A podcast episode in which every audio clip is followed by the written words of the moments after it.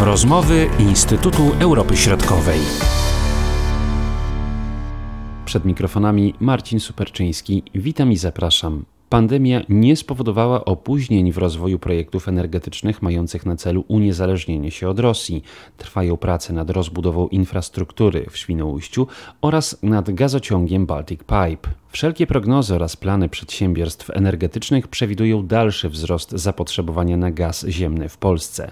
Podobne przedsięwzięcia rozwijają inne państwa regionu, jednak gdzieniegdzie pojawiają się problemy z finansowaniem projektów. Dlaczego? Wyjaśnia starszy analityk w zespole bałtyckim Instytutu Europy Środkowej dr Michał Paszkowski. Niewątpliwie jesteśmy na nadal niedokończonym etapie. Tak? W dalszym ciągu te prace faktycznie mają miejsce, w dalszym ciągu ciągu jednak e, chociażby Polska musi importować gaz ziemny z, tutaj z Federacji Rosyjskiej, ale niewątpliwie jakby krok po kroku te e, działania dywersyfikacyjne są realizowane. No tutaj takim, przynajmniej dla Polski, takim kluczowym, kluczową datą jest koniec 2022 roku, kiedy wygaśnie tutaj kontrakt jamalski, kontrakt z Federacją Rosyjską.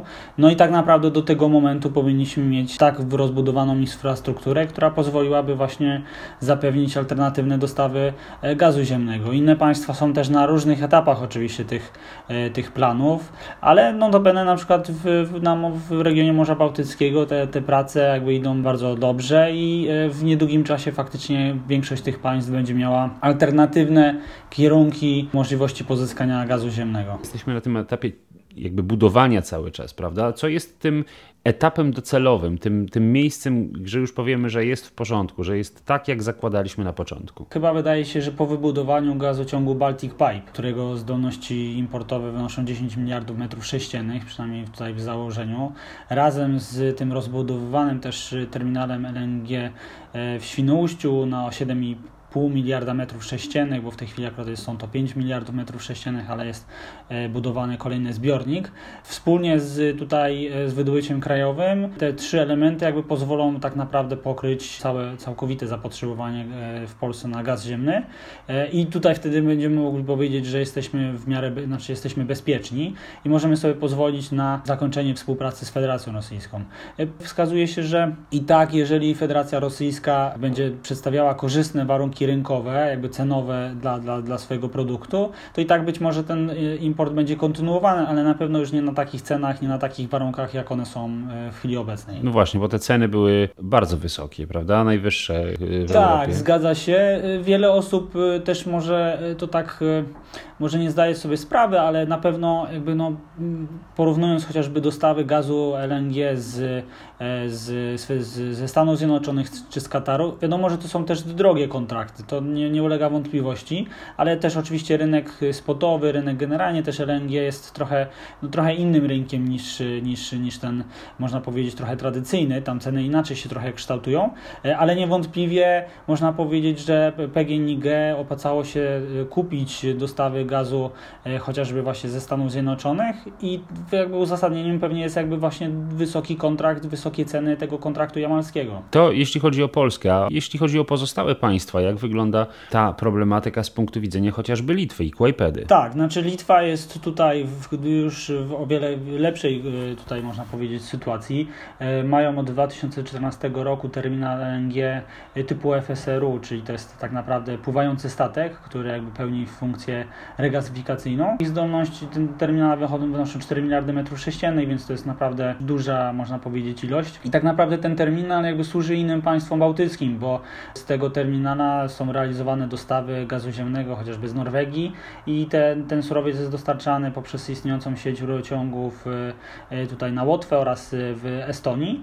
E, no Litwa akurat oczywiście też ma możliwość importu gazu ziemnego poprzez terytorium Białorusi z Federacji Rosyjskiej i też dostarcza, bo pełni też funkcję państwa tranzytowego dla dostaw gazu ziemnego do mm, całego obwodu kaliningradzkiego, e, ale faktycznie jakby tutaj pozycja na, na tym, w tym regionie, poziom bezpieczeństwa energetycznego z uwagi właśnie na funkcjonowanie tego terminala LNG e, w Kłajpedzie jest na bardzo wysokim poziomie. Są to bardzo duże koszty, prawda, budowy tej infrastruktury. E, w jaki sposób ją finansować? Czy tutaj no, te źródła finansowania ze strony Unii Europejskiej są możliwe, czy też pojawiają się pewne kłopoty, no chociażby biorąc pod uwagę te e, projekty typu Nord Stream 2? Tak, znaczy jeżeli chodzi o generalnie rozbudowę infrastruktury energetycznej i gazowej, to w dalszym ciągu tutaj Unia Europejska przeznacza odpowiednie środki finansowe, tutaj są to e, projekty E, jakby wspólnego zainteresowania, PCI tak zwane, które mogą liczyć na dofinansowanie. No niestety nie wszystkie, które państwa, bądź też oczywiście odpowiednie spółki, które przedstawiają te projekty, będą te projekty realizowane.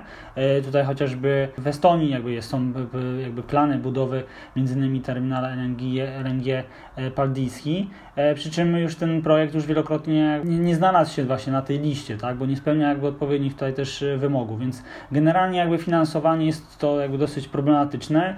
Te państwa, te spółki szukają e, tutaj alternatywnych źródeł, no i najczęściej są to po prostu e, różnego rodzaju kredyty bankowe i też kredyty, e, czy też poręczenia jakby tutaj finansowe ze strony rządów, ale też trzeba pamiętać, że podejście banków generalnie do finansowania projektów inwestycyjnych tego typu, czy generalnie gazowych, naftowych, czy tak, tak samo jak węglowych, jakby jest no, w tej chwili na można powiedzieć, trochę nacenzurowanym. Te banki jakby nie chcą e, finansować tego typu inwestycji ponieważ cała Europa tak naprawdę przechodzi w, w zieloną energię. Wszelkiego rodzaju projekty OZE czy, czy, czy na przykład farm wiatrowych, na, to tutaj na pewno jakby banki z chęcią będą e, tutaj finansować i udzielać kredytów, no a tego typu projekty niestety, jak o których wspominamy, no to już coraz gorzej. Farmy wiatrowe nie pokryją jednak zapotrzebowania energetycznego takich państw na przykład jak Polska, prawda? To nie jest to możliwe. E, także no, na pewno ta infrastruktura jest konieczna. A może to jest kwestia skuteczniejszego lobbingu bądź też właśnie tych rosyjskich działań. Niewątpliwie ten wątek rosyjski i tutaj lobbowanie za różnego rodzaju rozwiązaniami na pewno jakby jest istotny, ale też trzeba pamiętać, że mm, jakby, e, tak jak wspomniałeś wcześniej, jakby oczywiście tutaj energia elektryczna z OZE nie pokryje tutaj zapotrzebowania właśnie na energię elektryczną w Polsce, czy w ogóle w, w tych państwach, ale też trzeba pamiętać jakby ro, jaka jest rola gazu ziemnego. Ona przede wszystkim służy, ten, ten surowiec nie służy, chociaż będzie służył w coraz większym zakresie, chociażby w Polsce, właśnie do wytwarzania energii elektrycznej, e, ale tak naprawdę też trzeba wskazać, że no jest no wykorzystywany w gospodarstwach domowych, e, też w wielkim przemyśle, czyli w rafineriach, w, w zakładach azotowych, a więc jego rola i znaczenie jest naprawdę na bardzo wysokim poziomie, więc tutaj w dalszym ciągu ma odgrywa on tutaj znaczenie kluczowe dla, dla funkcjonowania poszczególnych państw i na pewno nadal będzie odgrywał. Czy tutaj pojawiają się jakieś zagrożenia w związku z tym właśnie wygaśnięciem tego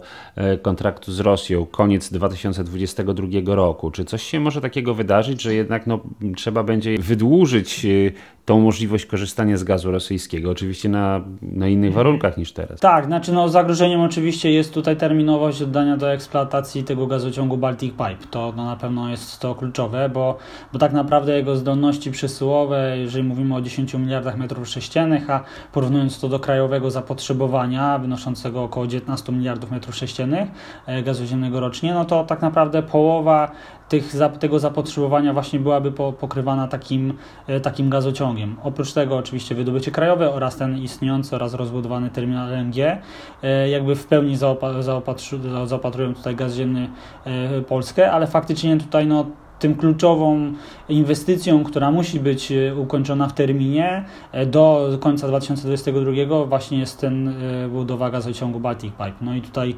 wszelkie starania, wszelkie działania jakby rządu, ale też oczywiście odpowiednich tutaj spółek są właśnie nakierowane przede wszystkim na realizację tego projektu. Prace cały czas trwają pomimo pandemii, prawda? Tutaj nie ma jakichś tak. opóźnień i tak dalej. Tak, zgadza się. One są zgodnie z komunikatami tutaj e, jakby firmy odpowiedzialnej za realizację, czyli Gaz System, są, idą zgodnie z harmonogramem. Mówił dr Michał Paszkowski, Marcin Superczyński. Do usłyszenia. Były to rozmowy Instytutu Europy Środkowej.